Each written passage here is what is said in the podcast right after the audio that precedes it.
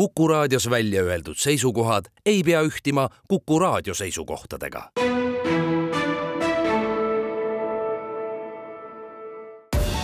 Tartu linnasaade tere kuulama saadet, mis läbi viie intervjuu annab ülevaate sellest, millega kaubeldakse praegu Tartu turul ning äh, mida toovad pühad juhatame teid Raadile, Tartu linna jaanitulele ja võtame kõneks seltsiliste tegevuse nii Tartus kui mujal Eestis ehk kuidas elu edenemisele kaasa aidata. intervjuud on teinud Madis Ligi. Tartu turg on pühade puhul ja pühade eel ikka teinud selliseid aktiviseerimisüritusi ja nii ka nüüd enne jaani ja turujuhi Rene Kiisiga me praegu siis kaeme, mida turul müüakse, otse loomulikult on eriti hea minek maasikatel keskmine hind äh, siin vaadates on kuus eurot, järelikult on ta nädalaga ikkagi paar eurot alla tulnud sellele suurele kuumale vaatamata ja maasikamüüjaid on. no absoluutselt, et tegelikult Tartu turg on ju see koht, kus üldse Eesti maasikas esimesena jõuab müüki Eh, kui ma nüüd peast ütlen, siis see oli vist kas eh, üks kuu aega tagasi, eh, kui esimesed Eesti maasikad juba tulid. täna just loendasime ära, meil on üle kolmekümne erineva maasikamüüja ja mis on eriti rõõm, on see, et täna ikkagi valitseb turul Eesti maasikas, meil on kakskümmend üks kauplejat kes kannavad turutempli märki. Ja turutempel on siis just teadupärast see, et kohalik Lõuna-Eesti inimene ise kasvatab, ise tuleb turule, ise müüb need maasikad maha. Ja, ja nii see on, nii et möllu käib meil siin palju ja, ja jaanipäev on see ilmselt nagu see maasika üks tippaegadest kindlasti. eks proovitakse, maitstakse, vaatasime veel üle, et kui fakte, et meil on kolmteist eri nimetust ka seda maasikat siin, nii et noh, valikut on ja käiakse, vaadatakse ja, ja, ja ostetakse, aga muidugi eriti hea hea variant on tulla tõesti, teeme avaturu lahti ka reedel, siis jaani laupäeval ehk äh, saab jällegi maasika drive-in'i teha, tulla tõesti autoga, sõita siia sisse, laadida oma kastid äh, peale ja teisest otsast sõita välja, nii et see on jah, meil mõned aastad traditsiooniks olnud ja olime Eestis esimesed, võib-olla ka maailmas esimesed, kes maasika drive-in'i siis äh, reedel, kahekümne kolmandal korraldavad. see töötab järelikult, kui te juba mitu korda olete asja ette võtnud? no tegelikult on ju niimoodi, et eks avaturg on ju rahvarohke igapäevaselt ja iga päev siia päris autoga niimoodi keset päeva sisse ei saa sõita, et me ikkagi hoolitseme ja muretseme oma nii-öelda külastajate turvalisuse eest. Ja sellepärast kord eh, tõesti siis selle maasika tippajal teeme lahti. Ja, ja on neid, on neid ostjaid, kes ikkagi kastiga tulevad võtma ja, ja noh, kui me arvestame, et nädalavahetusel ju suured pühad, siis on eriti hea variant ju, et kindlasti, kui see sortiment ja kauplejaid on palju, siis ju turg on ka see koht, kus ikkagi nii-öelda müüjaga kokku leppida hinnad, et ei ole sellist kindlat eh, konkreetset hinda asjal, vaid ikkagi kõik on ju küsimus selles, et kui palju sa ostad, mis maasikat sa ostad ja kuidas sa ennekõike siis müüjaga kokkuleppele saad. kas kõik on ikkagi aus ja puhas, ehk kui kuulutatakse, et see on Eesti maasikas, siis ta ka Eesti oma on, mitte kusagilt Lõuna-Euroopast pärit või tulevad inimesed ka teile kurtma, et siin on petokaup? No tegelikult, eks see on ju aastaid olnud äh, selline teemade ring, mis äh, vajab äh, korrastamist ja Vett- ja Põlluamet sellega väga tõsiselt tegeleb. Ja täna ma julgen küll väita, et mina ei tea ja ühtegi pretensiooni ei ole ka turule meile tulnud. turg ise muidugi ei müü, et kauplejad müüvad ja vastutavad selle eest, aga ei ole ühtegi pretensiooni tulnud, et nüüd oleks petukaupa. Ja kui me vaatame ka silte, on ikkagi ju siin Poola maasikad, Kreeka maasikad, kõike on saada, aga ennekõike valitseb ikkagi Eesti maasikas ja seda, seda jällegi tasub nagu müüja käest küsida ka, et mida soovitatakse ja nii edasi ja selle jutu käigus saab ju selgust, et kas, kas ja kuidas see asi tegelikult on. Peale maasikate on saada ka värsket mett, värsket kartulit, lühidalt turu pealt saab seda kõige värskemat kätte ja otse tootjalt tarbijale on see silt, mis tuleb kõrgele tõsta. absoluutselt, et ega siin on juba turutempliga kauplejad on tillid, porgandid, Eesti kartul tuli juba mitu nädalat tagasi siia, nii et tegelikult sellist värsket kraami ja just sellist kraami, mida sa tavapoest ei leia, ikkagi siit Tartu avaturult või turuhoonest leiad päris palju maasikad polka, sonata, Aasia. mida siis rahvas kõige rohkem nõuab? Ikka vana polgat, ikka polgausku ollakse veel, aga ostetakse ka seda uut sorti juba, väga hea on see Tart Select millised on praegu kogused, kas söömise jaoks või juba ka sissetegemiseks, moosi keetmiseks? ma arvan seda, et võiks juba hakata sisse ka tegema, sest eile käisin põllu peal, see oli lihtsalt masendav. meil on nagu mägi ja mäe peal on raskem savine maa ja maasikas lihtsalt kuivab, kuigi vesi on all. kas müüte maasikad üksnes siin Tartu turul või ka käiakse kodus järel? No praegu ainult Tartu turul, aga juba helistatakse ja tullakse koju ka otsima vanad konded praeguste ilmadega tuleb varakult koos löpsinaistega nad üles tõusta ja hakata korjama. ja veel varem tuleb üles tõusta ja vahel kell neli juba alustame ja jah, nii kuidas valgus lubab märgmüts pähe ja rätik ja siis saab selles päikeselõõsas toimetada. saab ikka, me oleme harjunud juba aastaid juba. kui kaua siis teie maasikahooaeg kestab, palju veel on? ma arvan, et ikka juuli läheb ära ja meil tuleb hiline sort veel Malvina ka vaarikatega koos siis. kas saate lõunaks oma kastid tühjaks kõik müüdud? pääsete koju? ma arvan ikka jah, mul oli täna vähe marja, viiskümmend kilo ainult. kellega ma rääkisin? Eili. kust kandist? Moosese talust, Võnnust olen järgmise müüja juures Tartu oma, nii ütleb silt ja kuus eurot kilo. mis nädala algul maksis Mari? nädala algul oli kaheksa eurot jah, ja siis vaikselt eile müüsime seitsme, kuue euriga. milline tänavune saak on, kui nüüd mullusega võrrelda? no ma peremehe käest äh, nüüd täpsustasin seda, et on põlde, kus on äh, kadu kuskil üheksakümmend protsenti, on põlde, kus on viiskümmend protsenti et öökülm on teinud tugevalt liiga sellel aastal. Kui inimesed tulevad, siis kas on nendele tähtis see hind või on tähtis see, et oleks tingimata Eesti maasikas ja ilus mari? tähtis on, et oleks Eesti maasikas, tähtis, et oleks ilus mari ja tähtis on ka loomulikult, millise hinnaga seda müüakse, aga ma loodan, et keegi ei pahanda, et see hind on sellel aastal kõrgem kui eelmisel aastal. et kuidagi tuleb välja tulla keda ma usutlesin? Utsu Mari on teil siin. Utsu Mari, jah, see on siis äh, Tartumaa, Väekvere küla, Madise ja Utsu Mari. Eesti Rahva Muuseumi Sõprade Selts on korraldanud aastaid Tartu linna jaanituld äh, ning äh, eestvedaja Sire Madisson on minu jutukaaslaseks. see pidu pole mitte üksnes üks tants ja trall ja tule tegemine, vaid siin ikkagi jagatakse rahvale oskusi ja tarkusi ja antakse proovimisvõimalusi ka muidugi antakse, siin peab olema tegevust igale eale ja, ja igale maitsele, sellepärast et see on üks kesksemaid pidusid ju eestlaste eh, aastakalendris.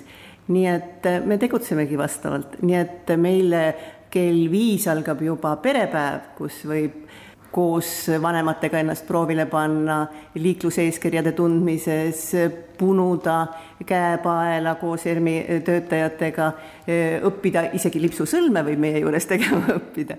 ja võib sõita poniga, võib minna miniloomaaeda, päris tillukestega tegeleb meil eraldi seltskond, näomaalingut võib teha ja ma arvan, et tegevust on, tegevust on kõigile, õuemale ja kabe on ka eh, neile, kes natuke mõtiskleda asja juures tahavad.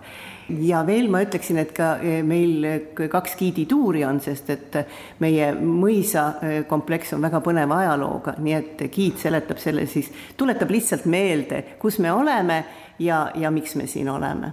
kõik see on siis siin Raadil kella viiest kuni kuni kella kaheksani, kuni kella kaheksani. kuna see mõisa territoorium on selline kahetasandiline, siis me lihtsalt kolime korruse allapoole, järve kaldale, kus algab tantsupidu siis juba ansamblitega, kus pakutakse jaanitoitu ja kui loodus lubab, siis süütame ka jaanilõkke. see plaan on meil juba pidevalt paigas, see on täpselt kell üheksa nii linnavalitsuse kui Eesti Rahva Muuseumi heade soovide saatel süütame päeval Tartusse jõudnud võidutulest Tartu linna jaanitule.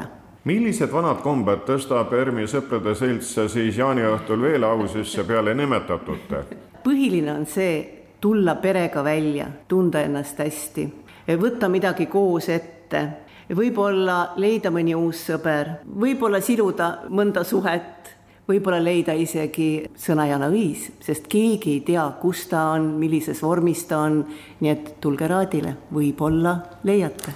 jaaniõhtu on tasuta, see on Tartu linna eh, jaanituli, see on linnapoolne kingitus eh, linlastele ja, ja nende külalistele. ja see õige päev on siis kahekümne kolmandal, nagu ikka? jah, see on kahekümne kolmandal, nii et äh, tuletage meelde eelmise aasta jalajäljed ja kohtume Raadi mõisapargis kahekümne kolmandal. kui perepäevale tulete, siis kell viis ja kui juba tantsuõhtule, siis alustame kell kaheksa.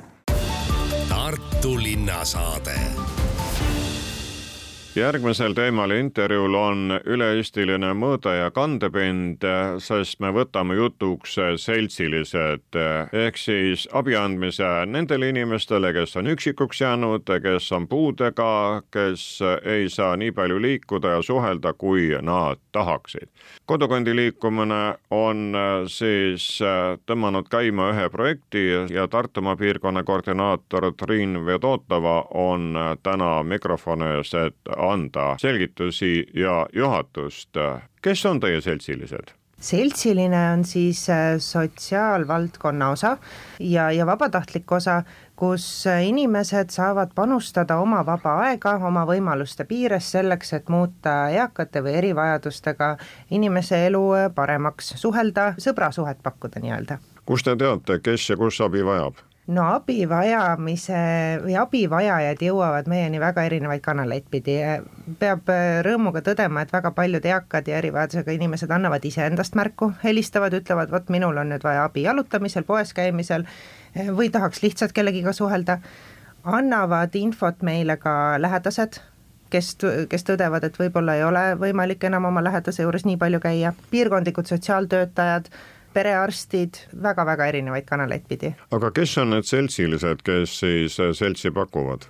no meil saab seltsiliseks äh, hakata juba kuueteistaastane noor, kui ta selleks soovi avaldab ja ülemist vanusepiiri ei ole nii et seltsiline võib olla ükskõik kes, kellel on veidi vaba aega ja soov siis äh, kellegi teise elu selle võrra paremaks ja rõõmsamaks teha kas seltsiliseks astumisel saamisel on mingisugused eeltingimused ka, mis tuleb täita selleks, et löögile pääseda? jaa, seda küll, et päris, päris nii ei ole, et mina nüüd tahan ja kohe mind eakaga paari pannakse, vaid enne sellele järgneb või eelneb vestlus, kus me siis selgitame välja, et miks inimene üldse tahaks vabatahtlik olla, kui palju ta oma aega saaks panustada ja mida ta täpsemalt siis teha sooviks abivajajaga ja kindlasti võtame me ka inimese karistusregistri väljavõtte, et vältida seda, et, et äh, tuleb mõni vabatahtlik kurjade kavatsustega enda eakat ära kasutama. kas selliseid näiteid on teil paraku võtta? no äh, meie projekti raames mitte aga, aga Eestis ma arvan, neid näiteid on äh, küll ja veel, kus on teada, et, et need noored või nüüd nooremad abipakkujad siis tegelikult ei ole mitte puhtasüdamlikud abipakkujad, vaid tegelikult veidi kurjade plaanidega küll aga nendest heatahtlikest aitajatest me oleme varasemates saadetes rääkinud, olgu siinkohal meenutatud siis äh, kõnniringid Tartu eakatega või ka Luunja koolipoiste initsiatiiv pakkuda arvutiabi eakamatele inimestele. kuid teie siht on nagu laiem, anda sellist pidevat äh, turvatunnet, et keegi tahab sinuga suhelda, keegi tahab sinuga olla, keegi tahab sinuga rääkida. Just, täpselt nii, et äh, see suhtlus ja, ja ütleme, sõbrasuhe, abi, mida me saame, kui keegi saadab meid jalutuskäikudel, kui endal on võib-olla keeruline liikuda, võib-olla poes hinnasiltide märkamine, lugemine, kui endal silmanägemine enam nii hea ei ole et need on, need on kõik meie tervise osad, et, et meie sotsiaalne tervis, füüsiline tervis, vaimne tervis, kõik on üks kompott. Ja kui meil on see usalduslik sõbrasuhe ja me teame, et meil on keegi, kellega rääkida ja kes meid kuulab, kes meid vajadusel abistab, et siis, siis ma arvan, et me püsime kõik natuke rohkem tervemana. keskendunud ikkagi olete sotsiaalvaldkonnale, korterit, elamistee remondi, puit ei lõhu? ei, ei seda mitte, et me ei duubelda ühtegi pakutavat sotsiaalosakonna pakutavat teenust, aga aga see muidugi ei tähenda, et meie tublid seltsilised koos abivajajaga ei oleks valmis mõnda asja tegema et äh, kodu koristamist äh, me ei tee selles mõttes, et me seltsiline ei lähe ja ei kraami äh, eaka kodu otsast lõpuni ära, aga kui eakal on abi vaja näiteks ülemistelt riiulitelt tolmu pühkimisega, samal ajal kui ta ise põranda üle tõmbab, siis, siis see koostöös võib kõne alla tulla küll, jah. no teil endal on see seltsilise kogemus ka olemas, mida te tegite? mina siis olen mitmel korral seltsiline olnud, aga, aga ühele eakale prouale, kelle juures ma kõige tihedamini käisin, siis temaga me käisime koos apteegis, käisime koos jalutamas turu peal, sageli vestlesime lihtsalt, kui ta tundis, et parasjagu linna või enda välja kodust liikuda jõudu ei ole, et siis me lihtsalt vestlesime, sõime küpsiseid, jõime teed, vaatasime vanu pildialbumeid, rääkis hea meelega oma elust, et, et selline jagamine kas teil on kuidagi paika pandud ka, et kui palju ühe või teise inimese peale võib minna või peab minema, ehk kui kaua seltsiline seltsi pakub? otseselt sellist piirangut ei ole, küll ma ütlen seda, et kui kohtumine kestab vähem kui tund aega, üks kohtumine, siis see nagu otseselt eesmärki ei täida, sest niisugune sügavuti vestlusesse minek selleks, et sellel vestlusel pärast ka mingisugune positiivne mõju oleks, siis, siis see võtab natuke aega, et viieteist minutiga me sellist sügavat vestlust arendada ei saa nii et vähemalt tund aega võiks üks kohtumine kesta, ükskõik mida siis tehakse, ja see, kui sagedasti vabatahtlik abivaja juures käib, see on siis mõlema kokkulepe, et kuidas vabatahtlikul aega on, palju ta valmis äh, endast andma on ja, ja mis vajadused muidugi ka abivajajal on. Täna me räägime seda juttu sellepärast, et vabatahtlikke juurde saada, sellepärast et teil on siin mitmed asjad pooleli, mis nõuavad ka abiväge. kus te juba abi annate ja kuhu te nüüd sammu seate, ehk kellega läbirääkimisi peate? ja meil hetkel siis üle Eesti, kuna seltsilised toimetavad üle Eesti, meiega on juba liitunud hästi palju hoolekandeasutusi, päevakeskused, pakume abi üksi elavatele eakatele, erivajadusega inimestele.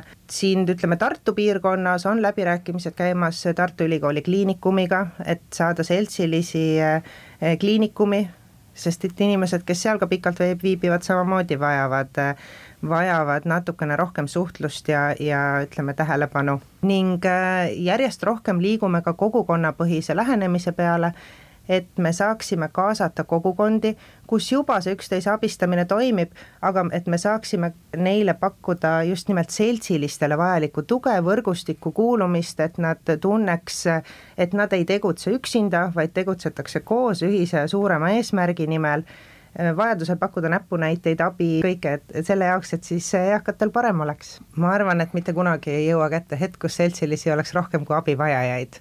Äh, aga ma arvan, et on ka seltsilisi, kes on ootel mõnes piirkonnas koordinaatorid on tegutsenud nii aktiivselt, et nad on suutnud kaasata äh, vabatahtlikke, kes on valmis käima rohkem kui ühe eaka juures ja, ja võib-olla siis neid, kellel natukene ajaressurssi üle on, neid võib olla küll aga, aga üleüldises mõttes ma usun, et abivajajaid on alati natukene rohkem, et seetõttu eh, me ka proovime erinevaid kanaleid, et kutsuda järjest rohkem vabatahtlikke liituma. Vaevalt nii kergesti see barjäär nüüd alla tuleb, sest kui üks eakas ja üksikuks jäänud inimene ikkagi näeb võõrast, siis tekib väike tõrge.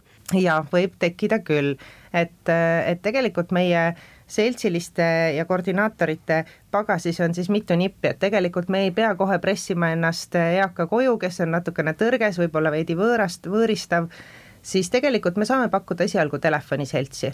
me saame esialgu pidada sisukaid telefonivestlusi, et tekiks see usalduslik suhe. samamoodi me ei pea kokku saama inimesega tema enda kodus, kui ta seda ei soovi, vaid me saame kasutada avalikku ruumi. võib käia koos pargis jalutamas, kohvikus, kalmistul, poes, kus iganes, et need kokkusaamised ei pruugi toimuda üldse inimese kodus, vaid seal, kus ikka mõlemal osapoolel mugav on milliseid kanaleid kasutada selleks, et seltsiliseks saada? Äh, esmajoones äh, kindlasti palun äh, vaadata seltsilised.ee kodulehte, seal on kogu info olemas, seal on meie kogemuslood, seal on kõikide piirkondlike koordinaatorite kontaktid ja seal on ka natukene pikem ülevaade meie, meie projektist ja liikumisest. et selle kaudu vist on kõige mugavam ja seal on siis juba koordinaatorite telefoninumbrid ja meiliaadressid, et siis saab täpselt selle piirkonnaga, millega parasjagu tegemist, kohe otseühendust võtta. Iga tegevus nõuab ka ju kulutuste katmist, kes rahastab seda seltsiliste liikumist? Euroopa Liidu Sotsiaalfond. Ja, ja see on Sotsiaalministeeriumi tellitud äh, projekt, mida siis Eesti Külaliikumine Kodukant äh, ellu viib, nii et äh, Euroopa Liit kallid kuulajad, meie tänane sõnum on saage osa, võtke osa, lööge kaasa, siis läheb elu edasi ja on rõõmu rohkem. saate pani kokku Madis Ligi. Tartu linnasaade